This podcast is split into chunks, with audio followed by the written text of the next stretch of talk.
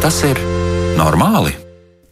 Esiet sveicināti! Atkal ir klāta svētdiena, un esam klāt, lai jautātu, vai tas ir normāli. Studijā Kristiāna Lapiņa, bet pie skaņa pults šodien Rita Karnača.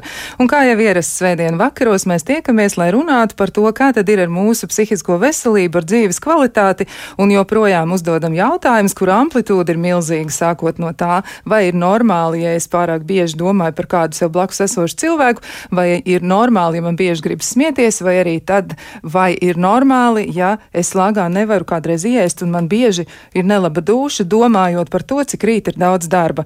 Mēs uzdodam dažādus jautājumus, un aicinām jautājumu uzdošanā iesaistīties arī jūs klausītājus. Sūtiet savas pārdomas, atziņas un arī idejas uz raidījumu elektronisko pasta adresi, vai tas ir normāli at Latvijas radio.lv, un noteikti arī izmantojiet iespēju sūtīt ziņas Latvijas radio mājaslapā, atrodot raidījumu, vai tas ir normāli ziņojumu logu, un tad jūs ļoti tieši varat iesaistīties raidījumu veidošanā, jo jūsu ziņojums būs redzams uzreiz uzreiz.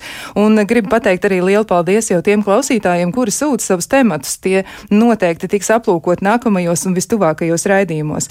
Bet šodien Šodien mēģināsim izanalizēt, kas tad īsti ir personības traucējumi, kā tos atpazīt, kā izprast tos cilvēkus, kuriem tādi ir, un kā veidot attiecības, jo reizēm tas var izrādīties ārkārtīgi sarežģīti. Un, eh, lai komentētu šo tematu, esam aicinājuši divas viešņas, un tās ir Diana Zande, psiholoģija, psiholoģijas doktora. Sveicināta, Diana!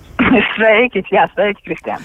Jā, un vēl arī esam aicinājuši sarunā piedalīties Natālija Morozova, kur ir klīniskā psiholoģija un arī smilšu terapijas, smilšu spēles terapijas praktiķi. Man vienmēr to vārdu spēle kaut kā gribas kaut kur nolikt nos, bet tam tur ir jābūt. Tātad smilšu spēles terapijas praktiķi un arī EMDR terapeiti, ja, kas arī ir tāda tehnika un, un, un ļoti, ļoti nozīmīgs aspekts patiesībā gan psihodiagnostikā, gan arī darbā ar, ar, ar pacientiem. Nu tad sveicināt Natāliju! Labvakar. Nu, lūk, es gribētu sākt ar tādu ievadu, un tas ievads varētu būt tāds relatīvi īsts, bet tajā pašā laikā iespējams nu, pietiekami mm, nu, tāds visaptverošs vienlaiks arī, jo nu, tas ir par to, ka reizēm dažos gadījumos notiek tā, ka mēs veidojam attiecības ar cilvēkiem, vai mēs iepazīstamies ar kādu cilvēku un uh, mēģinām komunicēt, bet saprotam, ka kaut kas īsti nav tā, kā vajag. Mums ir ļoti grūti viņu izprast, un reizēm ir tā, ka tās reakcijas šķiet tādas pārspīlētas vai varbūt neiederīgas vai gluži otrādi, kādreiz arī tās vispār iztrūkst, un liekas, tas cilvēks nu neuzvedas atbilstoši tam, kas būtu sagaidāms. Citreiz ir tā, ka viņš īsti nesaprot vārdu nē, un citreiz tieši otrādi ir, ir pavisam citas situācijas, un uh, izrādās arī, ka personības traucējumi, nu būtībā tie ir tādi, kas ir sastopami diezgan daudz, un kopumā es atradu datus arī, ka tie ir 9,1% no populācijas kopumā, ja, nu visdažādākie personības traucējumi veidi. Nu tad lūk, varbūt sāksim um, uzreiz ar to, kā mēs varam varētu to definēt? Kas tas īsti ir? Un manu pirmo jautājumu es adresēšu šoreiz Natālijai Morozovai un jautāšu, nu kā tad ir? Kas vispār ir personības traucējumi? Kā mēs to varētu saprast? Nu, ļoti, ļoti vienkāršoti. Es mēģināšu izskaidrot, kas, kas tas ir. Tad tā, m, mēs varam runāt par to, ka personības traucējums, um, tās ir tādas ļoti noturīgas personības iezīmes, kura, kuras traucē cilvēku funkcionēšanu. Un šeit runa būs par principā visām dzīves jomām. Cilvēkam ir apgrūtināta um, spēja veidot attiecības, varbūt noturēties darbā, izvirzīt kaut kādus mērķus, viņus sasniegt. Cilvēkam parasti ir tāds nerealistisks vai nestabils paštēls, uh, ir grūtības pielāgoties uh, vides prasībām un um, vispār tikt galā ar emocijām un stresu. Nu, tur objektīvi īstenībā visās dzīves jomās cilvēks sastopas ar dažādu veidu grūtībām. Tātad dažādi veidi grūtības. Nu, vēl ir arī tā, ka zinātniskie raksti vēsta, ka daži no šiem stāvokļiem, jeb tā saucamiem uzvedības stereotipiem, rodas jau agrā vecumā. Nu, ir tā, ka ļoti, ļoti agri arī cilvēki reizēm ar to saskars, un reizēm ir tā, ka tie izveidojas dzīves laikā. Nu, ja es uzreiz arī jautātu par iespējamiem cēloņiem, kas varētu, nu, izveidot personības traucējumus, kā tas notiek, kā cilvēks tiek līdz personības traucējumam? Natālija. Nu, jā, literatūrā nav, nav tādas skaidras atbildes, bet psihologi izvirza šobrīd tādu teoriju, ka runa tomēr būs par ģenētiskajiem faktoriem, par iedzimtību, par to, kas ir bijis ģimenes anamnēzē, vai tur ir bijuši personības traucējumi vai psihiskas saslimšanas. Tāpat tās nozīme ir temperamentam, un otrs būtiskais faktors ir vides faktors. Nu, attiecīgi, tā ir tā vide, kurā tas bērns ir uzaudzis. Tā tad arī, arī tas ir jāņem vērā. Nu, man tagad uzreiz arī gribas um, vienlaiks pievērsties um, arī tādām attiecību kolīzijām. Un Diana Zande, mēs, mēs zinām par Dianu Zandi, ka viņa ļoti daudz strādā ar cilvēkiem, kuri veido attiecības, kuri mēģina uzturēt attiecības un kuriem dažreiz ir attiecības sarežģījumi. Nu, kā jau gandrīz jebkurš no terapeitiem, bet man liekas, ka īpaši daudz eh, Diana strādā ar šādiem cilvēkiem. Kas ir tas, ko tu esi novērojis savā praksē, runājot par cilvēkiem ar personību? Uzvedības traucējumiem. Nu, cik bieži tu ar to saskaries?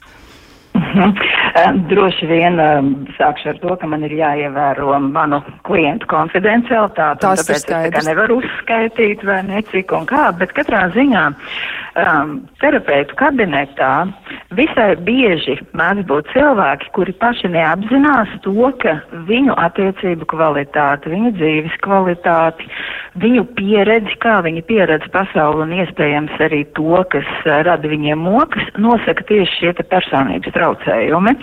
Un uh, Natālija brīnišķīgi stāstīja par to, ka šos cilvēkus kā par pazīt, bet es gribu uzsvērt vēl vienu lietu, ka bieži vien mēs ļoti labi par, parlīd, uh, varam ieraudzīt to, ka kāds ap mani cits kāds ir dīvains vai riebīgs vai nejauks vai, vai tāds vai šāds, bet mums ir ļoti grūti pazīt pašiem sevī šos te, es teiktu, tādus problemātiskos funkcionēšanas veidus, respektīvi personības traucējumus. Ja? Tā kā personības traucējumi nestaigā apkārt kā lausts kāja, kas ir visiem redzami, ja? bet tie ir um, bieži vien um, izpaužas ne tikai kā, ar kādu vienu cilvēku, bet ja cilvēkam ir šie personības traucējumi, tie ar šo cilvēku saprasties grūti ir visiem. Nevis man ir grūti saprasties ar vīrmāti, tātad viņai personības traucējumi, jā, bet eh, ka ar šo cilvēku saprasties ir grūti visiem. Un tas, ar citu, arī ir viens no tādiem kritērijiem, kad varbūt cilvēks meklē palīdzību, eh, ka, kad viņš sūdzās vai runā par savām attiecībām, tad um, es bieži uzdodu jautājumu, vai nu, kā ir citās attiecībās. Vai tikai šajās tev ir grūti? Jo patiešām var būt tā, ka uh, mums ir kāds cilvēks, ar ko ir komplicētas attiecības, bet mēs paši esam gana veseli. Un varbūt arī tā, ka mums šķiet, ka apkārtējie mums dara pāri, vai dzīve ir netaisnīga vai neciešama, bet ļoti iespējams, ka šo sajūtu rada tieši šis traucējums. Un tad cilvēkam, kurš ir attiecībās ar to cilvēkam ir šis personības traucējums, sanāk tādas tā kā dubult attiecības ar cilvēku un ar traucējumu. Jo traucējums ļoti, ļoti nosaka to, kā šis partneris, draugs, mamma uh, uzvedas, reaģē. Jā, nu tad eh, tas, tas di, kā lai saka, tas diagnostiskais kritērijs, ko tu nosauc, ja par to, ka ir eh, daudzās attiecībās tā tad ir sarežģījumi, tas varētu būt viens no mhm. tiem, kas varbūt arī pašam cilvēkam varētu likt kādā brīdī uzdot jautājumu, bet kas notiek ar mani? Nu, ja reiz man tik ļoti bieži nāks saskarties ar dažādu veidu grūtībām. Vai tas būtu um, tā lietojams? Varbūt, bet es uzreiz gribu teikt tā, ka nu, mēs ļoti viegli redzam baļķi, uh, skabargu citā acī un baļķi savā acī nē, un man šķiet ļoti jauks to var redzēt arī komunikācijā, nu, piemēram, tajā pašā internetā, ja, kur faktiski bieži vien strīdās un šajos strīdos iesaistās cilvēki ar traucējumu, ja, jo tie traucējums liek viņam mest aizstāvēt, ganīties iespējams, nejust citu cilvēku sāpes, ja? un viņš ļoti redz, ka tā dara pārējie, bet neredz to, ka pats ir šāds, ja?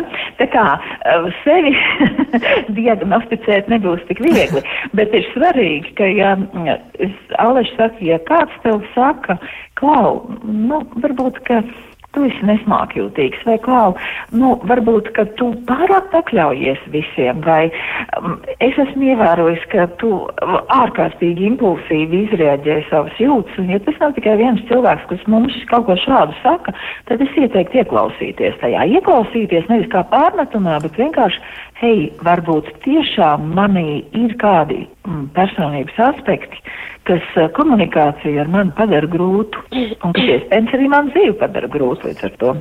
Jā, nu tā tad skaidrs, tomēr nu, nebūs tik viegli, ja, un klausītājiem noteikti arī mēs varētu ieteikt būt tādiem prātīgiem tajā brīdī, kad viņi varbūt izlemj, ka viņiem nu pat ir laiks noskaidrot, kā tad ir ar personības traucējumiem, vai ir vai nav, ja, tāpēc, ka viņi ir, nu, sakašķējušies ar priekšnieku, laikam tas, tas nebūs tik vienkārši. Un, ja tai pašā dienā gadījies sastrīdēties arī vēl ar kādu, noteikti tas nav, nav, nu, slēdziena līmenī, noteikti tur būtu jāpainteresējās vairāk. Bet par ko tad tieši būtu jāpainteresējās, jo kāda tad varētu būt specifiski personības traucējumi un kāda varētu būt to tipoloģija? Nu, šo jautājumu es gribētu pāradresēt Natālijai Morozovai. Nu, varbūt mēs varam vismaz dažus piemērus uzskaitīt, lai klausītājiem radītu tādu priekšstatu par to, nu, kādi tad mēdz būt personības traucējumi.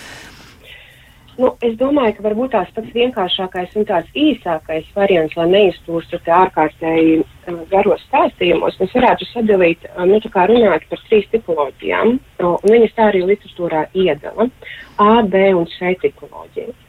Un, un pirmajā kategorijā uh, ir paranoīda, šizoīda un šizotipiski traucējumi, un, uh, un viņus raksturo tas, ka šie cilvēki var izskatīties dīvaini, ekscentriski, nu, viņi var būt aizdomīgi, viņiem var būt grūtības veidot attiecības.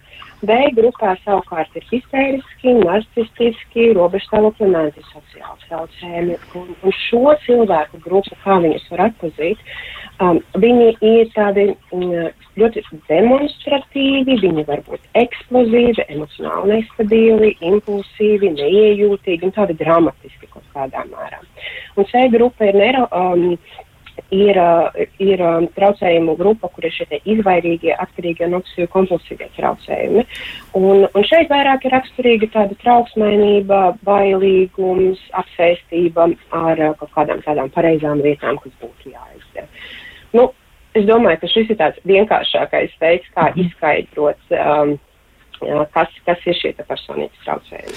Jā, nu tātad trīs lielas grupas, kurās ietilps dažādi, e, dažādi traucējumi, kuriem arī katram nu, ir savas specifiskās iezīmes. Bet, nu, ja mēs mēģinām vērsties pie varbūt tādiem vispārīgākiem, e, nu, tādiem, nu, pat, pat patiesībā pie situācijām, kur kaut kas izpaužas. Varbūt, ka tad uh, varat arī jūs abas divas, būdams ekspertas arī attiecībās un arī, protams, šajā jomā zināmā mērā, varbūt jūs varat dot tādu, nu, vismaz minējumu attiecībā uz to, kas tas varētu būt. Nu, piemēram, ja cilvēkam ir um, nu, tāda situācija, ka viņš kļūdaini uztver realitāti, nu, viņam kāds kaut ko saka, ja, un, un, un, un, un viņam atkal liekas, ka jādara ir kaut kā lietas savādāk. Nu, pieņemsim, nu, ka viņš ļoti ātri veido draudzību, ļoti ātri attīsta attiecības. Ko tas varētu nozīmēt? Viņš ļoti, ļoti ātri pietuvinās. Un, Kuram traucējumam, kuram personības traucējumam varbūt tas varētu būt vairāk raksturīgs? Nu, varbūt Diāna šoreiz varētu komentēt. Es, es uzreiz gribu pateikt, es varu nebūt nekam pietuvināt. Jā, Iespējams, arī tā. Tas ir vienkārši cilvēks, kurš ļoti ātri atveras, veido attiecības, bet spēj tās izvērtēt. Ja, bet tikpat labi ļoti ātri attiecībās iekrīt, piemēram, robežu stāvokļa personības traucējumu grupa, ja šīs grupas pārstāvi, kuriem attiecības ir ārkārtīgi svarīgas, vienlaikus ir ārkārtīgas bailes no noraidījuma, un uh, viņi bieži vien attiecības kā šķeļ, vai nu viss ir ideāli, vai nu viss ir briesmīgi slikti, ja, tādas, nu, uh, ārkārtīgi dramatiski, impulsīvi un ārkārtīgi priekš sevi sāpinoši var teikt, dzīvo, dzīvi tā kā bez ādas cilvēkam, ja, un kurš nemitīgi um, kā, krīt atkal un atkal tajā jaunajā iemīlēšanās vai iepazīšanās vilnī un pēc tam tajā vilšanās vilnī. Piemēram, varbūt kaut kas no šī um, varētu būt, bet tikpat labi varbūt arī tas ir nu, tas teatrālais, histrioniskais traucējums, kuram ļoti patīk būt uzmanības centrā un viņš visur ārkārtīgi sevi pasniedz kā tādu, uh, nu, redziet, cik es esmu foršs un mīliet mani un Un atkal es uzsveru visu laiku, ka nu, tā mēs nediagnosticējam. Ja, jo no viena teikuma, no vienas situācijas mēs varam saprast, eh, ka, ka tas ir kaut kas un ka tas var nebūt pilnīgi nekas. Ja, bet ja cilvēks regulāri nonāk situācijās, kurās, piemēram, viņš ārkārtīgi ātri iedraudzējas un ārkārtīgi ātri viļas un ārkārtīgi to pārdzīvo, attiecības ir nestabilas, attiecības rada sāpes, tad uh, varbūt tas jau ir kaut kas tuvāks tādam simptomam vai pazīmei tiešām par šo robežstāvokļa personības traucējumu. Jā, nu tā tad tas būs noteikti arī tāds pazīmju situāciju komplekss arī, kas laikam, Jā. nu, tomēr atkārtosies, ja tam ir vērts pievērst uzmanību. Bet tu pieminēji histrionisko tipu, jeb histēriskās personības, kā kādreiz teica ve vecos laikos, ja tā var apzīmēt. Kas vēl ir raksturīgs šādiem cilvēkiem ar šādu personības traucējumu, jo, nu, ir arī tā, ka savā ziņā personības veselības traucējumam ir arī tāda nu, papildus, varbūt tāda dāvana vai bonus savā ziņā, jo šķiet arī, ka mhm. šāds personības tips var arī kaut kādā noteiktā profesijā varbūt gūt panākumus. Mm, bet, protams, Um, ir tāds jauks teiciens, pasauli virza personības traucējumi, jo um, šie cilvēki noteikti, um, viņu tas, tas sarežģītais aspekts bieži vien izpaužas arī kā dāvana. Ja tātad viņš atšķiras no tāda nu, vidēja, stabila, mierīga, līdzsvarota cilvēka ar to, ka viņam kaut kas ir dots krietni vairāk, bet tai, tam talantam vai tām spējām ir arī puses, un, piemēram, šim te, uh, nu, labi, teiksim, histēriskajam traucējumam, ja, tas, viņi par tiešām bieži vien ir šie sabiedrības dvēseli, jā, viņiem grozās, vis, viņiem ir izjūta, ka visi viņus mīl un viņi ir visiem draugi, jā. Un viņi ir arī tie, kas nemitīgi ņemās ar citiem, bet tas nav tas pats, kas jauka nama māte, jā, bet viņš ir tāds tā kā pārmērīgs izklaidētājs. Un arī viņam ir ļoti svarīgi, lai viņš nemitīgi būtu tādā tā kā uzmanības centrā un lai viņu apbrīnotu, un viņš dara visu, lai to sasniegtu. Bieži vien viņš ģērbjās tā, lai pievērstu sev uzmanību, teiksim, tās. Atkal es negribu teikt, lai visas sievietes, kas ģērbs eh, varbūt tā kā seksuālāk, jā, iz, seksuāli izaicinošāk, ka viņas ir šajā traucējuma grupā, bet tomēr tā ir viena no iezīmēm, ja tā kā tādu sev uzmanības pievēršana Redziet, redziet, redziet, viens un, protams, arī tāds mm, dramatizējums, bet nevis ar tādu ārkārtīgi dziļu sāpinājumu, bet ar tādu, nu, tāds šampanietis, šampanietis, un kas var būt ļoti jauki no vienas puses, un šāds cilvēks patiešām varētu strādāt, mm, viņš varētu būt tas, kas vada pasākumus un, un iesaist citus cilvēkus, bet problēma ir tā, ka tā otra puse ir, ka tas bieži vien nav īsti, tas nav no sirds, tas ir centieni uh, atrast mīlestību un patikšanu no citu cilvēkiem, bet tajā nav tādas stabilitātes. Jā, bet vai varētu arī tā būt, ka, piemēram, nu, savstarpējās attiecībās, nu, ja mēs iedomājamies pāri attiecības kā piemēru, mm -hmm. vai tur varētu būt tā, ka tur arī ir tāda, nu, drāmu piesātināta dzīve tā iemesla dēļ, ka kādam no šiem partneriem ir šis traucējums? Mm. Tad uh, droši vien drāma uzreiz gribas teikt, tas aiziet pie robežas stāvokļa personības traucējuma. Ja? Jo laikam, ja mēs domājam par, tād, par tādiem vaļiem, tad tomēr visvairāk mēs domājam par antisociālās personības traucējumu, kas ārkārtīgi traucē citiem cilvēkiem, pašam viņam nē ne tik ļoti. Mēs ļoti domājam par robežu stāvokļu personības cilvēkiem, ja, kas ārkārtīgi mokās attiecībās un sāpina arī sev tuvos. Uh, un tad mēs noteikti arī um, domājam par narcistiskās personības traucējumiem, par tiem cilvēkiem, kas sevi uzskata par krietni pārākiem par citiem un citus par zemākiem. Un šie ir tādi traucējumi, kas vienkārši ārkārtīgi krāsī izpaužās attiecībās un rada tiešām reāls moks.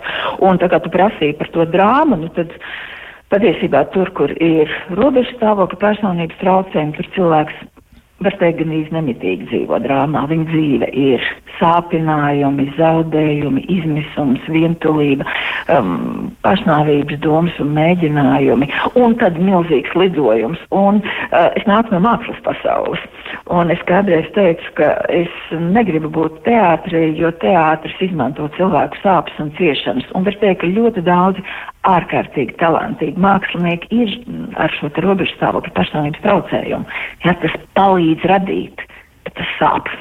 Tas no vienas puses. Un arī citiem. Jā, no vienas puses tas palīdz radīt, bet no otras puses droši vien tā iedzīvošanās tēlā un arī tā savas daļas ielikšana šajā visā ārkārtīgi mm -hmm. dārgi maksātam cilvēkam. Man šķiet, tas varētu būt ļoti Jā. grūti.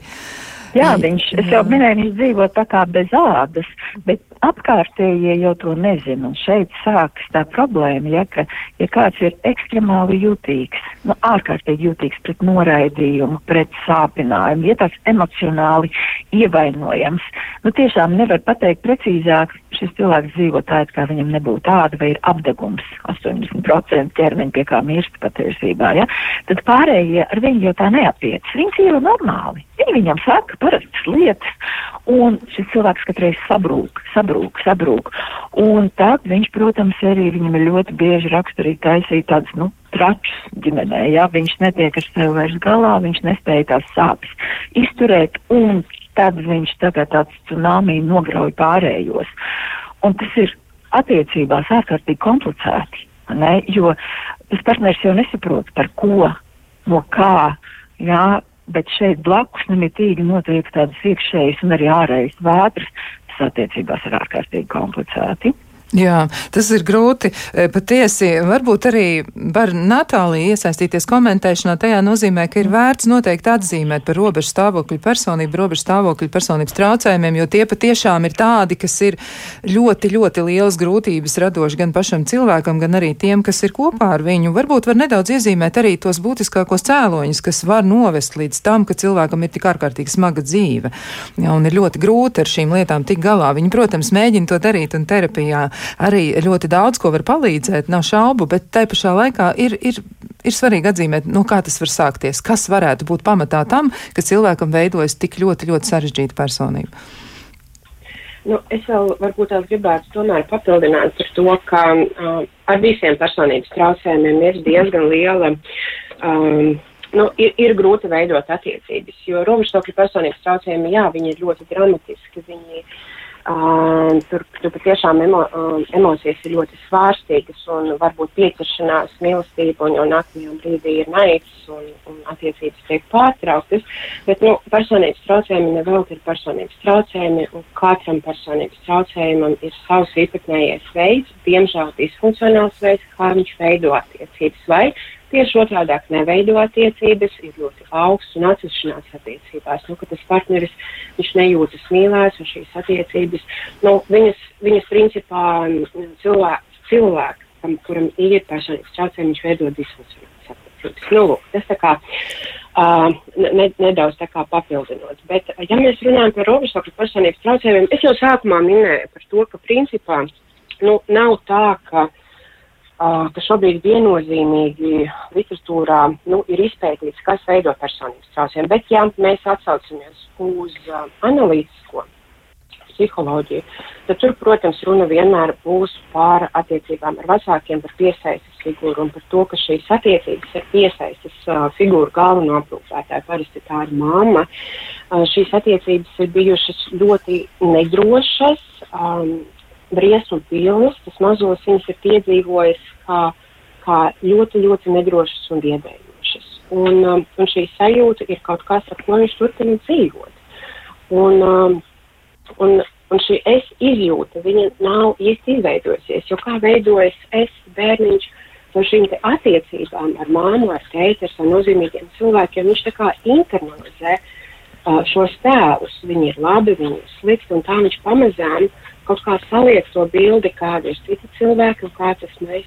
Un personības traucējumu gadījumā tā drāma ir tajā, uh, ka šim bērnam šī es izjūta, nu viņa, viņa īsti neizveidojas pirmkārt stabila, otrām kārtām korekta, un sveškārt viņa, viņa bieži vien var būt tāda ļoti saskaldīta, sa, sadrumstalota. Un robežstāvokļa personības traucējumu gadījumā, principā, katrs no klientiem, kuram ir diagnosticēts šis traucējums, traucējums, viņš runā par šo tukšuma sajūtu, kronisko un identitātes nēsamību. Viņš vispār nevar sevi nekā nodefinēt. Un, un viņš no tā, protams, ārkārtīgi cieš. Un no tā izriet arī tas, kā viņš veido attiecības ar citiem cilvēkiem. Nu, viņš īsti nevar saprast, kā viņam uzvesties, un viņš ir ļoti dažāds. Jo, jo viņam nav šīs stabilās es izjūtas. Jā, nu ļoti daudzus stāstus, kurus nākas vai nu lasīt, vai ar kuriem arī saskarties realitātē, tur, kur ir minēts robežu stāvokļa personības traucējums, tur patiesi ir tādas ļoti, ļoti dramatiskas pieredzes. Protams, arī neizslēdzot, ka citu personības traucējumu gadījumā arī varētu būt ļoti, ļoti sarežģīts attiecības cilvēkam ar ģimeni, ar apkārtējiem, bet robežu stāvokļa personībām tiešām liekas, ka ļoti daudz ir, ir eh, šo te sarežģīto problēmu tieši ar vecākiem. Jā, bet uh, Natālija. Kristiāna, Kristiāna. Jā. jā. Vai es varu nedaudz papildināt? Protams, jo, jebkurā brīdī. Jā, es, man ir tā laime būt vienai no dialektis behaviorālās terapijas pirmās komandas Latvijā. Jā, mēs strādājam jau ar grupu un mācāmies Londonā. Un, un tāda dialektis behaviorālā terapija ir Mm, terapija, kas ir pētījumos atzīta kā efektīva darbam ar robežu stāvokļu personības traucējumu mm, cilvēkiem, pacientiem, klientiem.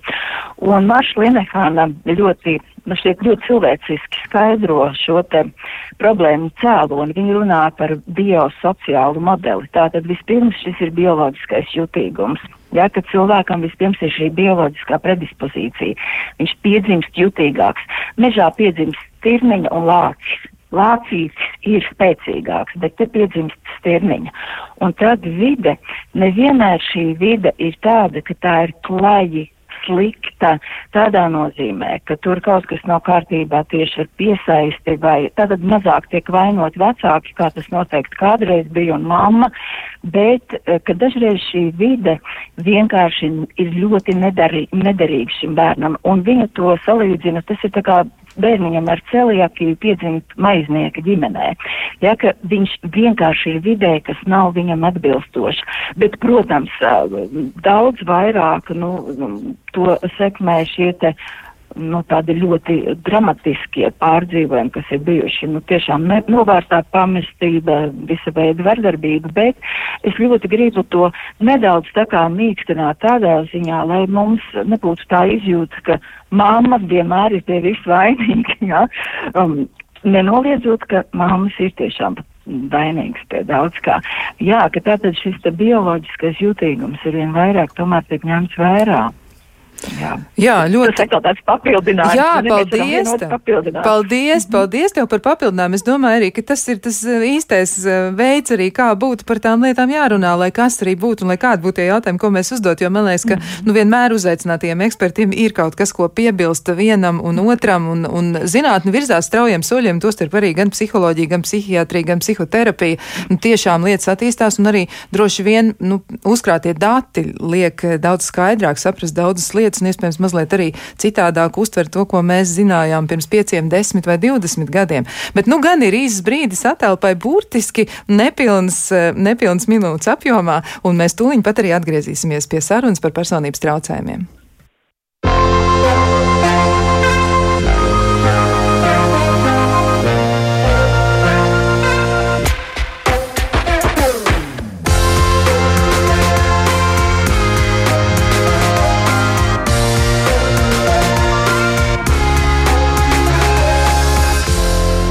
Vai tas ir normāli?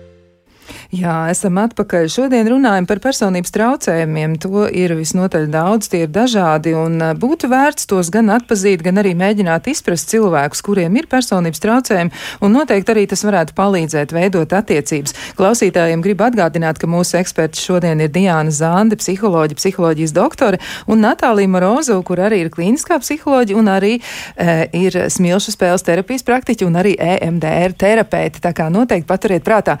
Bet, e, vēl pirms mēs turpinām savu sarunu, gribu atbildēt arī nu, visiem tiem jautātājiem, vai mēs atbildām uz jūsu jautājumiem. Jā, protams, mēs atbildām, un jūs varat tos iesūtīt arī e-pastā, vai tas ir normāli Latvijas radio.lv. Izmantot varat arī ziņojumu logu Latvijas radio mājaslapā un aktīvi iesaistīties raidījuma gaitā.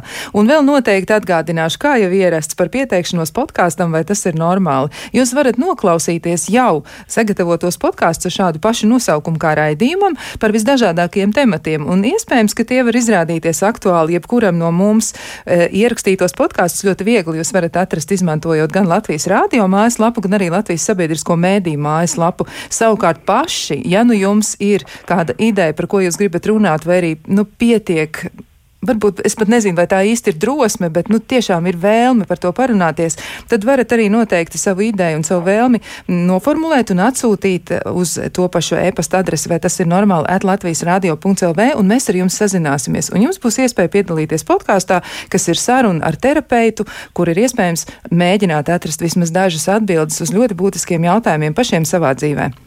Bet atgriežoties pie raidījuma temata šodien pie personības traucējumiem, nu, jūs jau runājāt abas divas e, par to, gan Diāna, gan arī Natālija, par to, ka robežu stāvokļi personībai tā tad ir nu, ir, ir, ir vairāk vai mazāk izkristalizējies, kas tas varētu būt, bet, nu, protams, ka cēloņi, kas varētu novest pie šāda veida personības traucējumiem, ir visnotaļ dažādi. Bet vai ir kāds personības traucējums, ko zināmā mērā varētu stimulēt, nu, subkultūra vai, vai sabiedrības attieksme? Proti, man gribētos jautāt par narcistiskajiem individiem, par narcistisko personības traucējumu. Un tagad varbūt darām tā, ka Natālija vispirms atbild, un pēc tam Diānai noteikti atkal būs ko piebilst. Nu, tas, ko, tas, ko pētījumi rāda, ka, nu, nu, nu, ka nav tā, ka mūsdienās dēļ kultūras uh, ir palielinājies to cilvēku daudzums, kuriem tiek diagnosi, diagnosticēti narcistiski traucējumi, tieši traucējumi. Bet mēs pavisam noteikti varam runāt par to, ka uh, mūsu kultūras ietekmē vai subkultūras ietekmē vai, vai tās vides ietekmē um, nu, tāda demonstratīvāka dzīve, tas pats Instagrams un, un dzīvošana sociālajos tīklos. Uh, viņi, un, un sevis prezentēšana, nu, tas ir kaut kas, kas šobrīd ir sociāli akceptējams. Mēs varam runāt nu, par tādām narcistiskām tendencēm, bet kas, kas, uh, nu, kas visticamāk nesasniedz tādu klīniski nozīmīgu diagnostisku kritēriju, lai mēs varētu runāt tieši par traucējumiem. Tā tad, eh, tā tad varētu domāt, ka tomēr nav. Es esmu gan atradusi amerikāņu eh, zinātnieku publicētos datus. Viņi saka, ka kopš 70. gadiem tās narcistiskās tendences kaut kā ir vairāk pamanāmas. Varbūt tas ir saistīts tieši ar to sociālo tīklu uzbūvi, nu, ka mēs pamanām ļoti, kā mēs paši kaut ko sakām un tiekam atbalstīti un uzslavēti un pamanām to pašu arī attiecībā uz citiem cilvēkiem. Diāna, kā tev tas izskatās attiecībā uz narcistiskajām personībām? Um, tātad man nav datu uh, no pētījumiem, bet es arī kā jau zinātnieks varu noteikti teikt to, ka pētījumi, ko viens pētījums saka, ir tā, otrs pētījums, tā kā saka, ir, ir citādi, un es esmu pateicīga profesorai Sandrai Sebrei, kura man iemācīja nelietot vārdu, ir pierādīts, jo um, pētījumi, zinātnē attīstās ļoti nelieliem soļiem. Viens pētījums saka to, un otrs varbūt citu, un tā mēs tādiem maziem, maziem solīšiem ejam uz priekšu, bet es pilnīgi piekrītu Natālijai, ka iespējams vienkārši ir šis te, uh, šī te narcistiskā uzvedība, tāda eksponēšanās, tā ir vairāk iespējama un tāpēc redzama. Ja tas ir vai ir kļuvis vairāk, um, piemēram, es nezinu, no atvainojot izvarošanu, ja, um, vai ir kļuvis vairāk, bet varbūt mēs vairāk par to runājam. Ja? Tantiņas agrāk nezināja, cik bīstam ir iet tumsā pa viņu parku, bet tagad, kad viņas skatās degpunktā, viņas ir visas briesmas. Ja? Briesmas iespējams nav kļuvis vairāk, tikai mēs par tām zinām. Un tieši tāpat uh, cilvēku, kuri kaut kādā veidā sevi uzskata par labākiem, svarīgākiem, vērtīgākiem, īpašiem, uh, uz kuriem neatiecas noteikumi, jā, ka es esmu tāds ekstrā. Uh, un, uh, šie cilvēki vienkārši šobrīd var labāk um, izpausties, ja tā vide, mm, sociālajie mēdī to pieļauj. Un tāpēc varbūt mums šķiet, ka šādi cilvēki ir ļoti daudz. Ja, jo, piemēram, cilvēku, kas ir ar um, šo te anankastiskās personības traucējumu, jeb tādi obsesīvi kompulsīvi cilvēki, to tik ļoti mm, nevar ieraudzīt, jā, uz ielas vai mēdījos. Jā, bet eh, arī tur, nu, reizēm arī, ja runā par anankastisko personību, kuriem ir, nu, šiem cilvēkiem ir raksturīgs tāds, nu, tāds perfekcionisms un sīkumainība, mm. reizēm viņi ļoti, ļoti seko līdzi dažādām lietām, tad ļoti skrupulozi vērotāji mm. un pārbaudītāji, varbūt arī viņiem ir eh, kāda ļoti piemērota profesija, kuru viņi var mierīgi strādāt, un īsti pat neviens neaizdomājas līdz tam, ka ir personības traucējums, jo būtībā jau cilvēks lieliski tiek galā ar saviem pienākumiem. Un varbūt arī tā, ka. Bet tā jau ir ir, um, tā kā, nu, mana, mana tāda zinātniskā interese ir temperaments, ja tāda neirobioloģiskās iezīmes un temperaments ir personības pamata ķieģeluši, kā uzskata Mērija Rotberta, nu, jaudīgākā temperamenta teorētiķa pasaulē. Tad var teikt, tas, ka gan šīs pozitīvās, gan negatīvās mūsu personības iezīmes cilvēks jau ir tendēts īstenot tās savā dzīvē, un bieži vien patiešām kāds personības ēnas var palīdzēt profesionālā ziņā īpaši labi strādāt vienā vai otrā jomā. Ja? Um, nezinu, man nāk prātā, man nāk prātā diezgan daudz dažādas filmas, kurās šīs personības tiek parādītas. Ja? Un skaidrs, ka ir darba vietas, kur perfekcionisms, sīkumainība, precizitāte ir ārkārtīgi nozīmīgs. Problēma ir tā, ka dzīvē tādās parastās ikdienas attiecībās tas var būt ārkārtīgi nogurdinoši, tā nemitīgā matu skaldīšana un uh, fokus uz tādiem niekiem, ko varbūt cits neievēro.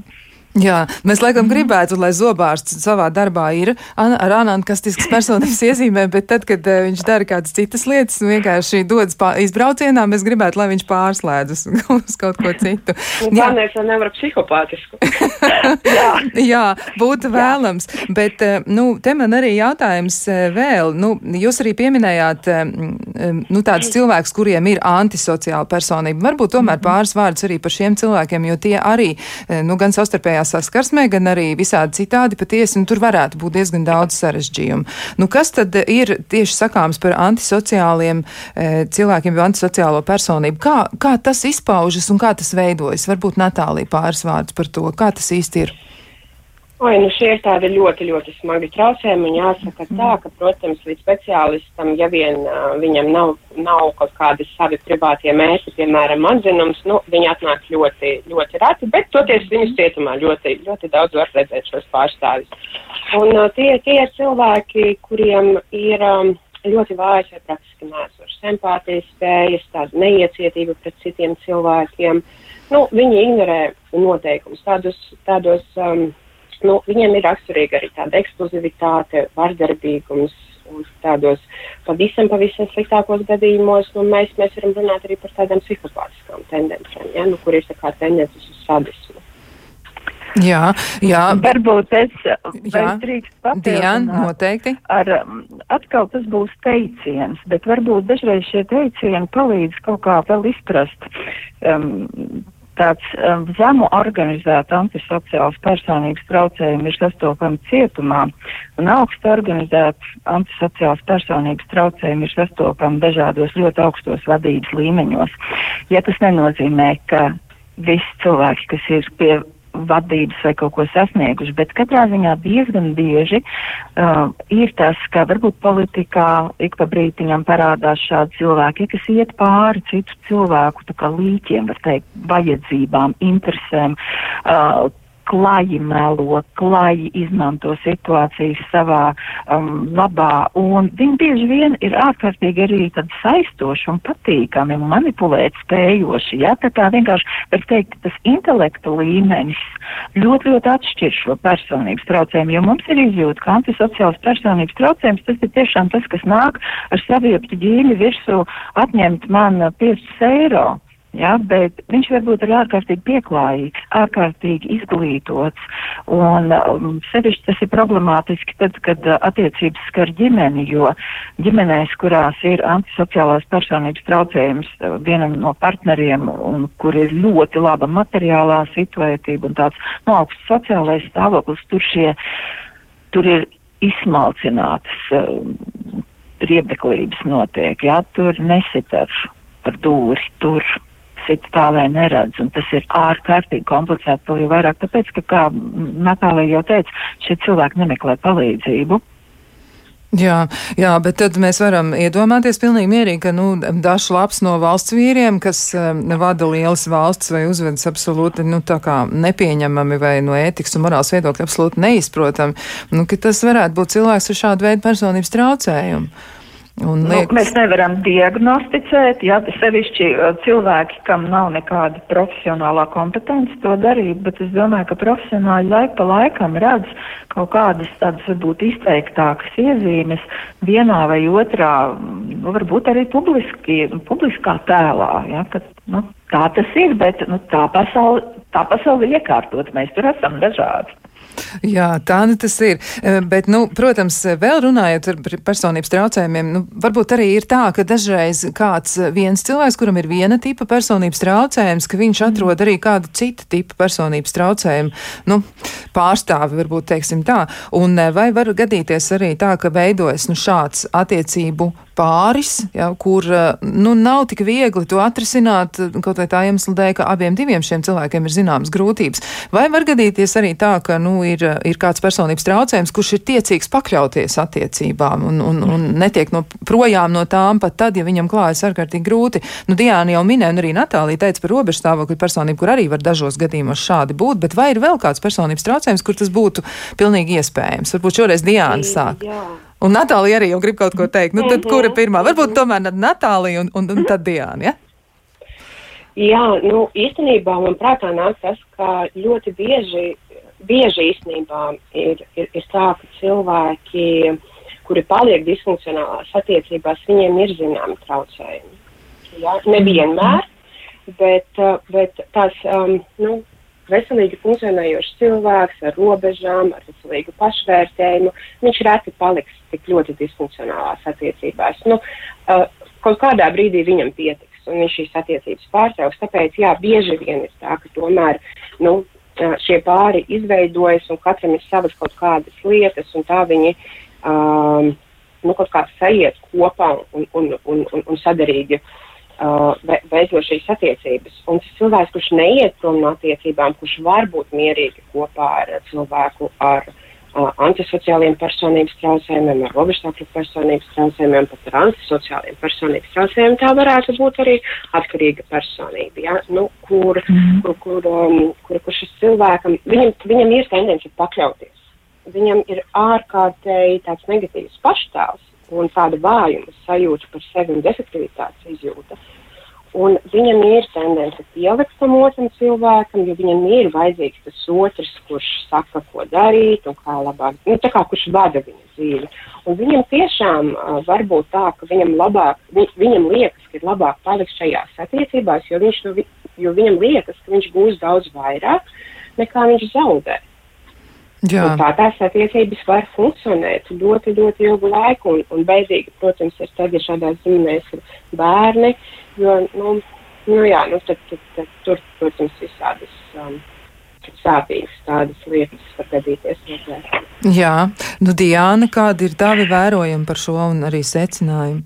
Nu, šis, var teikt, man nav ko piebilst, gandrīz vai tā, jā. Ja? Un var teikt, ka, protams, biežāk tomēr tendence šī te uh, atkarīga personības sauciena, tas vairāk tomēr ir sievietēm raksturīgi, jo tā ir arī audzināšana un kultūra. Ja sieviete audzinātu kā pakļāvīgāku, piekāpīgāku, uh, ka tu pieciet, katrai savus krustus jānes līdz galam, kādos vāģos iekāpi ar tādiem jābrauc, ja, un tā sit, bet mīl, ja, ir šie teicieni, kas varbūt vēl kā uztur šo te atkarīgo personību, ka tas tā ir normāli, kā es dzīvoju, ja, bet te uh, ir ārkārtīgi komplicēti tieši tas, ka bērni iemācās to patiesībā visās attiecībās, kur ir personības traucējumi, ja, kur vai ir kādas disfunkcijas, bērni iemācās tādas nejēdzīgas modeļus. Ja.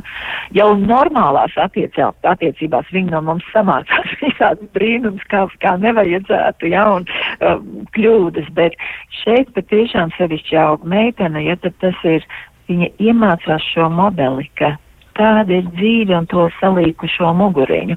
Un, un ilgtermiņā tas, protams, ir ārkārtīgi komplicēti, bet atkal šis cilvēks visticamāk nemeklē palīdzību, vai ja meklē palīdzību, tad drīzāk meklē palīdzību priekš savu vīru, dzīves biedru vai priekš saviem bērniem, bet ne priekš sevis, jo sevi nekad neredz kā vērtīgu.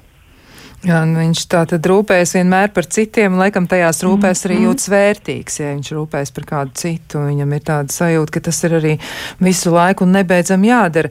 Jā, nu vēl arī gribētu apjautāties par to, kā tad ir ar tādiem ļoti izvairīgiem cilvēkiem, jo reizēm ir mm. kāds, kas arī cieš no intensīvas trauksmes vai spriedzes, un dažos gadījumos arī šķiet, ka tur, nu, varētu būt arī vēl klāt personības traucējums. Varbūt uh, Diana var mazliet raksturot arī, nu, tos ļoti nedrošos cilvēkus, kā tas ir. Nu, pieņemsim, viņi ir mm. ārkārtīgi jūtīgi mm. Pret kritiku viņiem ļoti grūti ir izturēt, ka kāds viņiem kaut ko pasaka, un tad viņi ļoti to pārdzīvo. Mm -hmm.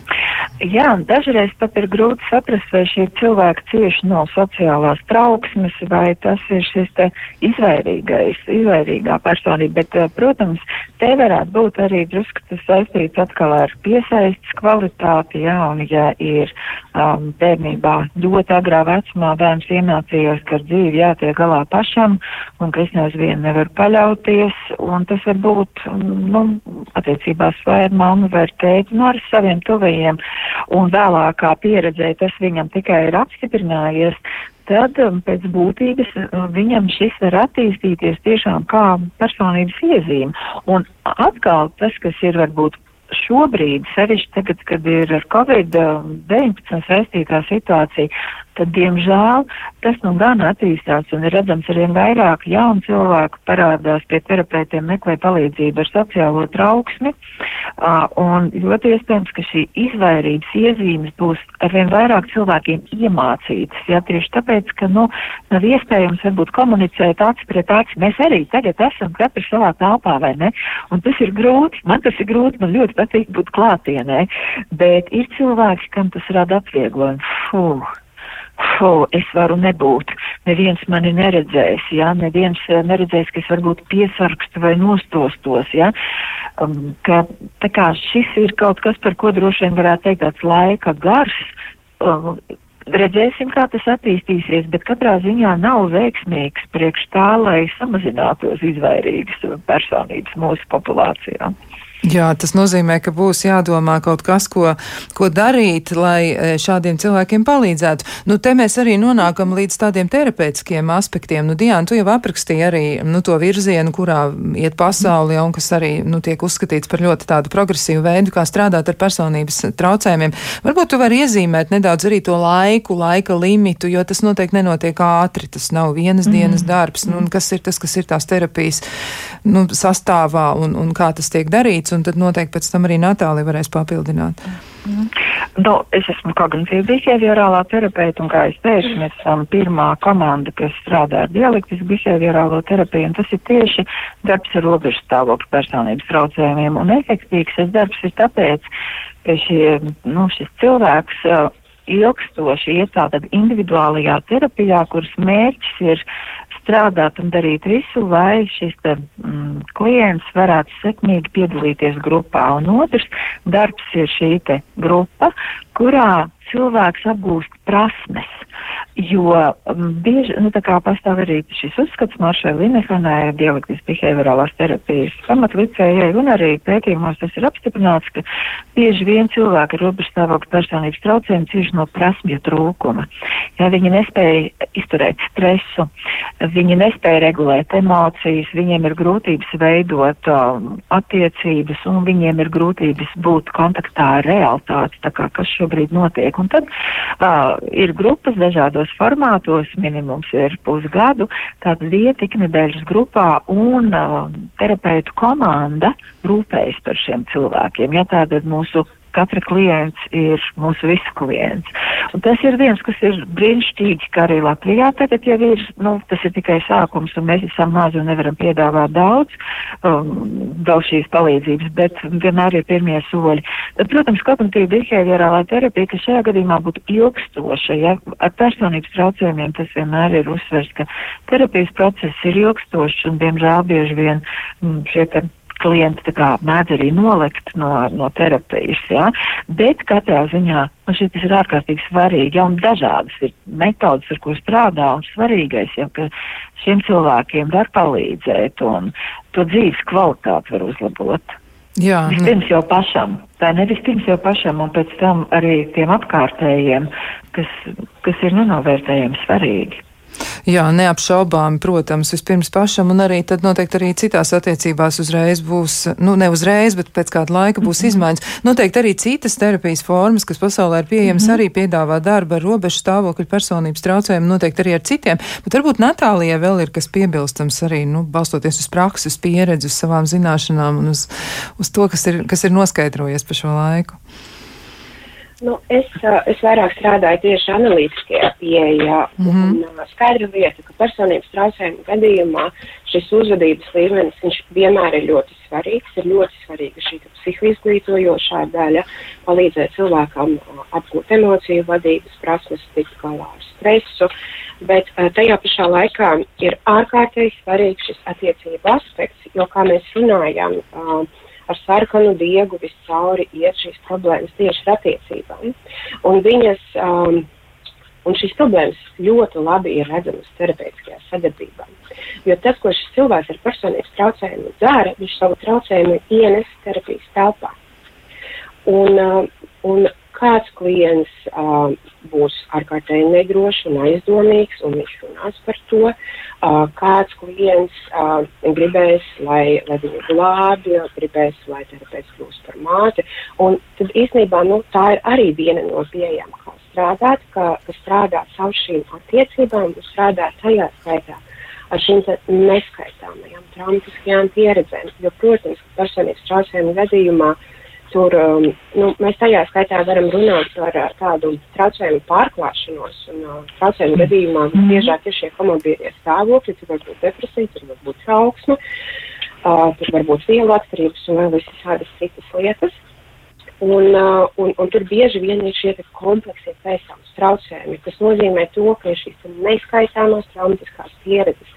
Un, un tāpēc man personiski ļoti patīk MDR, un es viņu ļoti labprāt uh, arī kaut kādā brīdī, ne pašā sākumā, bet kaut kādā brīdī integrēju darbā ar tiem klientiem, kuriem ir personības traucējumi. Jo nu, tas, ko tie pētījumi rāda savukārt, ka MDR integrēšana, kas ir šī metode, kas uh, ir izstrādāta tieši tādai efektīvākai um, traumas pārstrādē, ka viņa saīsina kopējās terapijas ilgumu tieši darbā ar personības traucējumiem.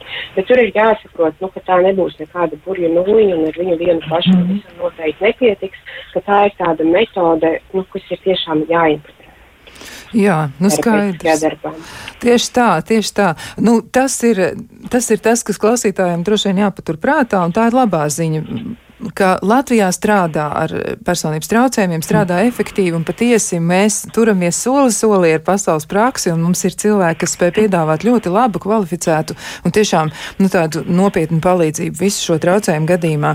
Lai nu kā meklējiet palīdzību, nedomājiet par to, ka atmest var kaut kam ar roku, tieši otrādi. Vajag mēģināt saprast, kas notiek, un viens no kritērijiem ir tāds, kā jau minēja Diana Zanda, ja daudzās un dažādās attiecībās ir grūtības, tad iespējams, ka te ir runa par par personības traucējumu. Nu, ko saku paldies ekspertēm Diānai Zandei un arī Natālijai Rozovai, abām psiholoģiem un uh, speciālistiem šajā jomā, bet savukārt klausītājiem saku, ka mēs tiksimies atkal pēc nedēļas un tad mēģināsim saprast paši sevi. Nu, kā tad ir ar to maģisko domāšanu, kāpēc mēs reizēm ticam lietām, kuras īsti mums pat nevar lāga palīdzēt, bet tomēr tā ticība ir ļoti, ļoti spēcīga. Tiekamies pēc nedēļas, lai jums pašiem izdodas atrast sevi, kādu jauku nodarbi un kaut kā noteikti mēģiniet sev palutināt. Uz tikšanos!